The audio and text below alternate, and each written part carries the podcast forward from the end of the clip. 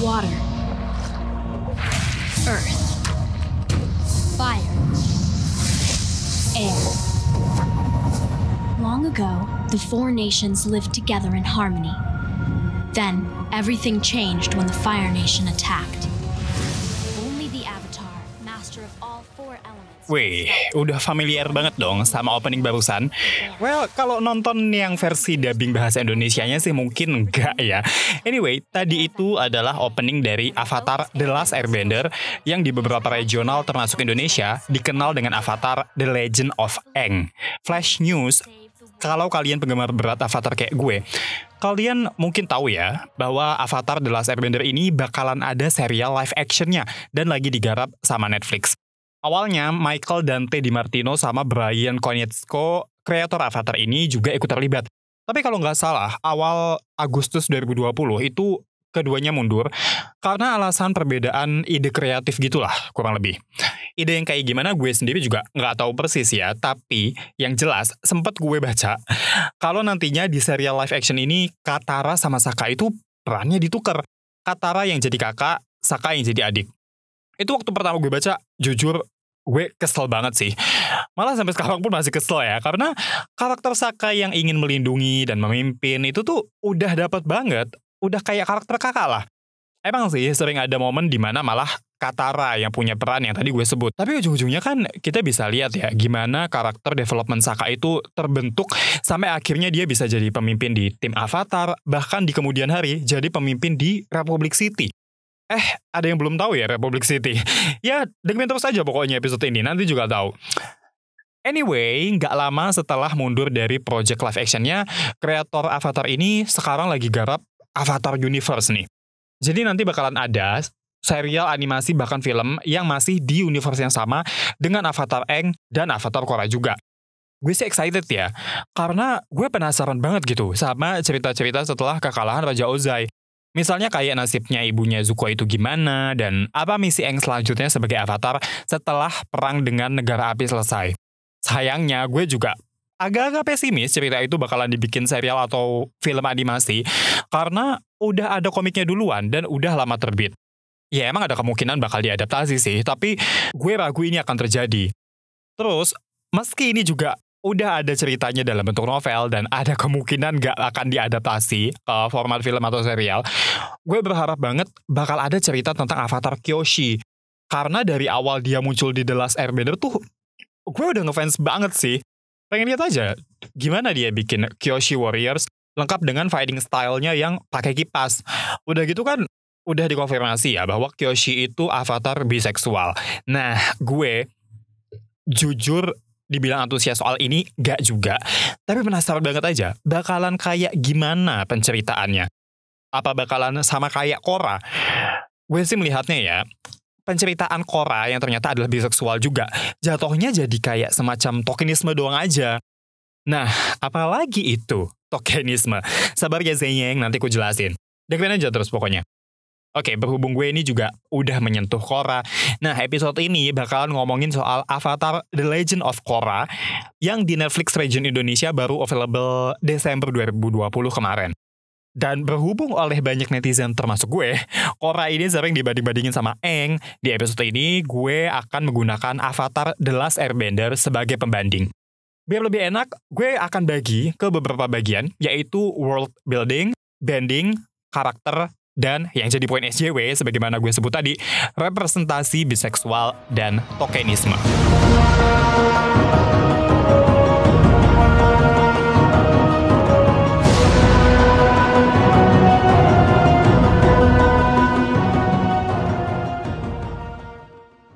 Avatar Korra ini setting waktunya 70 tahun pasca runtuhnya rezim Raja Api Ozai. Jadi meski masih satu universe, bedanya tuh tetap kelihatan jelas banget. Di zaman Eng kan technically cuma ada Fire Nation, Earth Kingdom, sama Water Tribe. Karena Air Nomads itu literally udah punah dan tinggal Eng seorang kan. Nah kalau di Korra, Air Nomads ini perlahan pulih. Kita bisa lihat, bahkan sebelum bermunculan Airbenders secara tiba-tiba, udah mulai ada nih biksu-biksu yang tinggal di Air Temples. Terus selain peradaban Air Nomads yang juga mulai bangkit, ada juga wilayah baru, yaitu Republic City yang tadi sempat gue sebut. Jadi ceritanya Fire Nation itu menjajah negara lain selama 100 tahun kan. Meski nggak berhasil sampai menguasai satu negara secara penuh, terutama Earth Kingdom, ada wilayah-wilayah yang secara penuh ada di bawah kendali mereka. Salah satunya yang kemudian jadi cikal bakal dari Republic City ini. Jadi, wilayah ini kan udah lama nih berada di bawah kekuasaan Fire Nation. Jadinya banyak orang yang beranak pinak di sana dan ya udah jadi merasa mereka tuh orang asli sana. Meski mungkin nenek moyang mereka awalnya dari Fire Nation. Begitu pula orang-orang yang tadinya asli Earth Kingdom. Itu juga ada yang udah terlanjur dapat jodoh di wilayah kolonialisasi itu. Repot kan tuh akhirnya orang Fire Nation disuruh pulang kampung, ya nggak bisa orang rumahnya di sana. Sementara beberapa penduduk Earth Kingdom yang lain, banyak juga yang nggak terima orang-orang tanda kutip Fire Nation ini tetap tinggal di situ. Akhirnya sebagai solusi, ya udah wilayah kolonialisasi itu dijadikan kota yang independen dengan satu wali kota dan semacam dewan penasehat yang adalah avatar dan perwakilan dari empat negara masing-masing satu. Walau ya, gue masih bingung juga sih. Karena Republic City ini tetap masih jadi bagian dari Earth Kingdom. Jadi mungkin semacam negara bagian kalau di Amerika kali ya, atau kalau di Indonesia ya kayak provinsi gitulah. Dapat perlakuan khusus karena di Republic City itu banyak benders dan non-benders juga ada. Jadi tagline-nya itu tempat di mana benders dan non-benders bisa hidup bersama dalam damai. Gitulah kurang lebih. Terus, masih di Earth Kingdom juga, ada lagi wilayah baru yang tadinya nggak ada di The Last Airbender. Namanya Zaofu. Statusnya ya, kayak Republic City gitulah. Jatuhnya kayak provinsi atau negara bagian aja. Zaofu ini literally negara metal ya, karena dihuni oleh sekelompok metal benders yang menamakan diri mereka Metal Clan. Kalau udah ngomongin metal bending nih, kita pasti ingetnya sama Tough dong. Nah, Zaofu ini didirikan dan dipimpin sama Su Yin Beifong, salah satu anaknya Tough, dan brandingnya adalah negara teraman di dunia, karena ya Earthbenders yang powerful aja kan bisa mendeteksi kebohongan. Tambah ini pula ada sistem pertahanan yang manfaatin metal bending. Jadi amanlah dari penyusup. Walau ya, seiring berjalannya cerita, ternyata nggak seaman itu juga sih. Oke, itu tadi kan dunia fisik ya. Nah, di Avatar Korra ini kita juga bakal diajak ke dunia metafisik alias spirit world. Itu juga jadi hal yang mungkin nggak baru, karena di The Last Airbender juga udah ada, tapi digali lagi lebih dalam awalnya sih justru perkara spiritual ini adalah perkara yang susah banget dipahami apalagi dikuasai sama Korra. Ironis ya, karena buat Eng, justru ini gampang banget. Tapi sekaligus ya mudah dimaklumi juga, karena biar gimana pun kan, Eng adalah Airmaster termuda. Di mana salah satu ujiannya ya ujian spiritual juga. Sedangkan Korra tubuh di masa yang tanda kutip udah damai lah dan dia malah excited banget jadi avatar. Kebalikannya dari Eng yang dulu sempat panik sampai akhirnya kan kepanikannya itu bikin dia terperangkap di dalam es kan. Jadi ya malah fokusnya si Korra ini jadinya cuma ke bendingnya aja karena itu yang keren.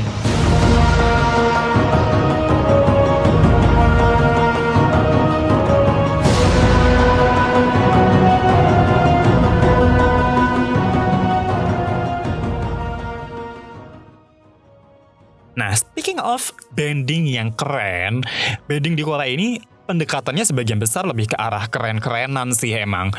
Bahkan awal-awal episode season 1 aja, ada yang namanya pro bending. Ini sama kayak waktu pertama kali Eng ketemu langsung sama Taf. Jadi bentuknya pertandingan antar benders gitu. Cuma kalau yang di The Last Airbender itu kan Earthbenders aja ya. Nah di Avatar Korra ini semua benders dan aturan mainnya juga lebih rapi. Jadi harus tim, satu tim terdiri dari tiga orang dengan tiga bedding yang beda-beda dan ada sponsornya juga bahkan. Jadi ini legal gitu. Kalau pro bedding kan yang TAF dulu ikutan itu kesannya ilegal ya, kayak ilegal gitu. Karena orangnya aja kriminal semua. Dan sebagaimana pertarungan di pro bedding zaman yang dulu, orang-orang di zaman Korea ini juga akhirnya menjadikan bending itu ya sebagai alat bertarung aja. Kita jadi jauh lebih sedikit melihat bending sebagai apa ya seni bela diri gitu. I mean ya pro bending juga bela diri sih in a way, tapi jatuhnya kayak gerakan berantem biasa aja. Cuma ada penambahan pengendalian elemen udah gitu aja gitu. Sedangkan di The Last Airbender, kita masih bisa lihat kalau bending itu ada pose khasnya dan gue jadi lebih merasa bendingnya malah lebih powerful meski hanya murni elemen itu doang. Kalau udah advance, wah jadi lebih kerasa lagi kenaikan levelnya kayak Taf yang terus bisa metal bending, Azula yang bisa lightning bending, sama Katara yang bisa blood bending. Bisa dimaklumi sih kenapa terasa lebih keren ya karena Eng lebih duluan aja. Jadi yang kita lihat adalah dasar-dasarnya. Kan emang lebih seru ya ketika kita nonton sesuatu dari asal muasalnya. Nah ngomongin soal bending advancement, begitu gue nyebutnya, di Korra pengendalian elemen ini lebih dinaikin lagi. Jadi pertama ada lava bending. Ini gue awal liatnya tuh ngerasa aneh sih. Karena lava itu kan panas ya. Jadi gue pikir ini harusnya masuk ke pengembangan dari firebending dong. Eh lah kok di sini malah masuknya pengembangan dari earthbending. Tapi masih masuk akal lah emang karena kan lava itu termasuk dari unsur bumi ya. Jadi bisa lah masuk ke earthbending. Terus bending advancement yang kedua itu dari airbending. Jadi di Korra itu ada airbender yang jahat yang bisa melayang bahkan terbang tanpa bantuan alat. Dia juga bisa nyedot udara dari dalam tubuh orang sampai akhirnya orangnya mati. Agak serem sih, apalagi udara itu kan elemen yang adem ayam aja ya selama ini. Eh ternyata kok ada juga sisi gelapnya. Terus yang ketiga yang berikutnya itu ada water bending. Jadi ternyata di Quora ini baru sedikit dikasih lihat bahwa ternyata menghapus bending orang itu termasuk turunan dari water bending. Terus turunan lainnya lagi itu ada spirit bending. Jadi dark spirit itu bisa dimurnikan jadi spirit yang baik. Gue sih melihatnya cara kerjanya agak-agak sama ya dengan teknik healing water bending karena jadi glowing gitu spiritnya. Menarik lah pokoknya pengembangan bending di sini. Tapi lebih menarik lagi, ada juga cerita tentang bending origin. Tentang pertama kali manusia bisa bending dan tentang avatar pertama yang ternyata berhubungan juga dengan light and dark spirits dan lion turtle alias kura-kura singa raksasa yang kita pernah lihat juga di The Last Airbender sebelum Eng berhadapan dengan Fire Lord Ozai. Ini rangkaian cerita favorit gue banget sih. Sayang aja malah dirusak sama Korra. Uh, jujur gue uh, udah nonton dua kali dari awal sampai akhir dan masih sekesel itu sama Korra karena dia yang bikin Avatar Circle jadi putus. Udahlah, gak akan gue spoiler lebih jauh kenapa bisa gitu kalian tonton aja sendiri. Pasti bakalan ikut kesel juga deh.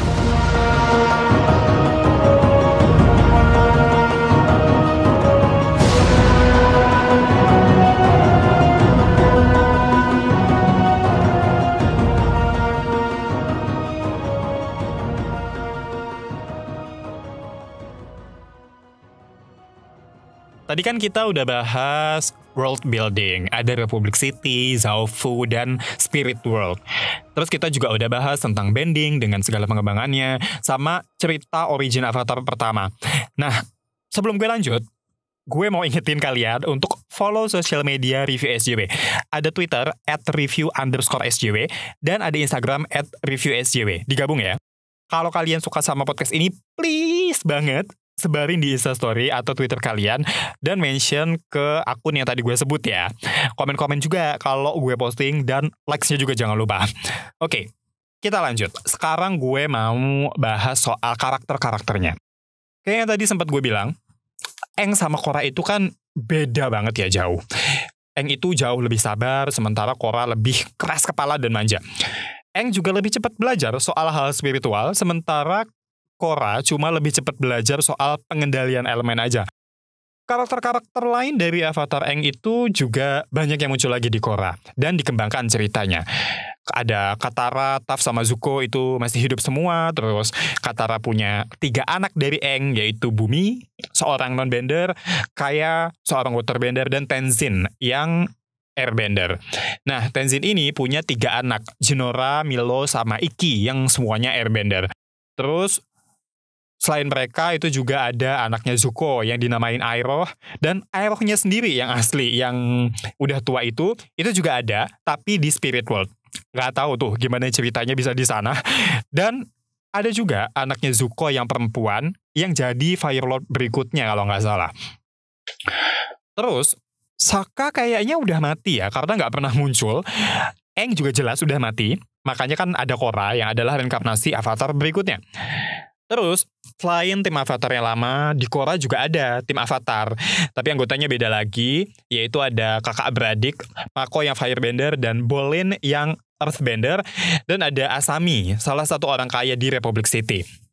Nah, karena masih pada seumuran, jadi timbullah benih-benih cinta di sini, terutama antara Kora, Mako, dan Asami. Jadi kayak muter aja gitu. Mako sama Asami, Mako sama Kora, eh terakhirnya Kora sama Asami. Dan ini nih yang jadi kegelisahan gue. Jadi ternyata Kora itu kan suka sama Asami. Terus kreator Avatar ini mengkonfirmasi bahwa mereka itu biseksual dan mereka itu pacaran di ending waktu mereka gandengan tangan itu tuh mereka bergandengan tangan ternyata sebagai pasangan bukan temen doang. Ya bikin gue beranggapan ini tokenisme doang tuh karena gue merasa pondasi ceritanya kurang kuat gitu loh. Setelah nonton ulang ya iya sih gue jadi mikir oh perhatian Asami ke Korra ini tuh emang bisa lebih dari sekedar temen sih. Terutama ketika Korra tiba-tiba menarik diri Eh, nggak taunya dia diem-diem surat-suratan sama Asami. Yang lain nggak dikabarin dan nggak tahu Korra ke mana. Tapi gue merasa itu juga tetap kurang. Gue juga baru merasa ada yang spesial di antara mereka berdua tuh setelah gue tahu aja bahwa kreatornya bilang Korra itu biseksual. Waktu nonton pertama kali mah gue nggak ngeh. Dan ini kan yang sering dilakukan di film dan serial-serial populer. Ditanya maupun enggak, tiba-tiba aja ada pengumuman bahwa karakter tertentu ini lesbian atau gay atau bisex atau queer dan lain-lainnya. Kalau nggak ada pondasi cerita yang kuat, kenapa juga sih harus dijelasin? Apalagi setelah produknya udah tamat gitu. Ngapain? Kalaupun dijelasin dari awal, itu juga sama aja. Kalau plot utamanya bukan soal seksualitas atau bukan soal romantisme antar orang-orang queer, ngapain dimention seksualitasnya? Misalnya, ini juga pernah terjadi di Harry Potter. Katanya kan Dumbledore itu gay. Katanya nanti bakalan diceritain. Ya, kenapa nggak nanti aja ditunjukin pas tayang gitu, lalu didiskusikan setelahnya. Jadi makin kecium aja sih bahwa gay Dumbledore itu cuma dijadikan token aja. Yang penting dia ada dan gay, tapi eksplorasi ceritanya ya bodo amat yang penting dapat perhatian publik, cita kreatornya jadi seolah baik, terus dapat makin banyak duit deh karena udah banyak brand-brand yang support isu-isu LGBT. Walau ya soal citra baik, J.K. Rowling fail parah sih karena dia ternyata kan transfobik. Nah itulah maksudnya tokenisme itu.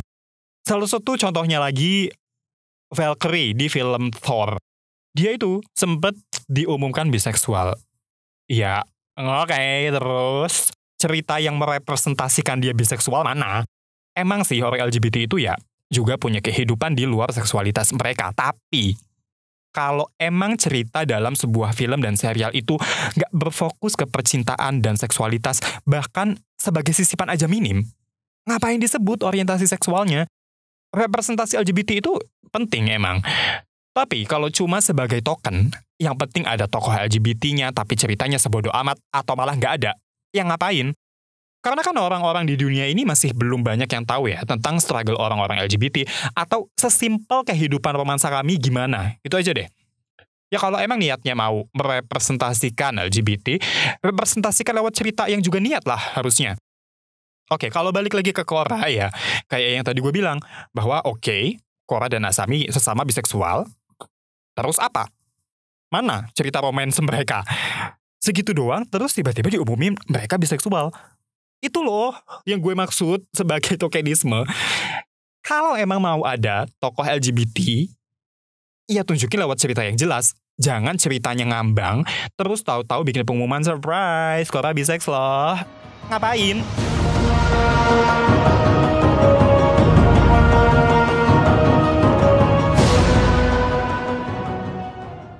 Oke, okay, sekian episode kali ini. Semoga buat kalian yang belum nonton Avatar The Legend of Korra jadi tertarik buat nonton, jadi bisa sama-sama nyinyir juga kayak gue. Dan semoga nantinya produk baru yang bakal keluar dari Avatar Studio bakalan bagus dan memuaskan dan gak ada lagi deh cerita yang kesannya cuma tokenisme doang.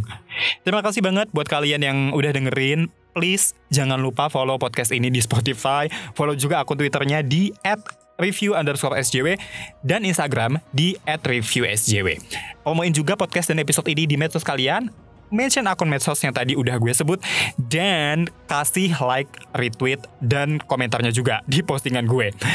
Gue Budi pamit, sampai jumpa di episode-episode selanjutnya. Bye-bye!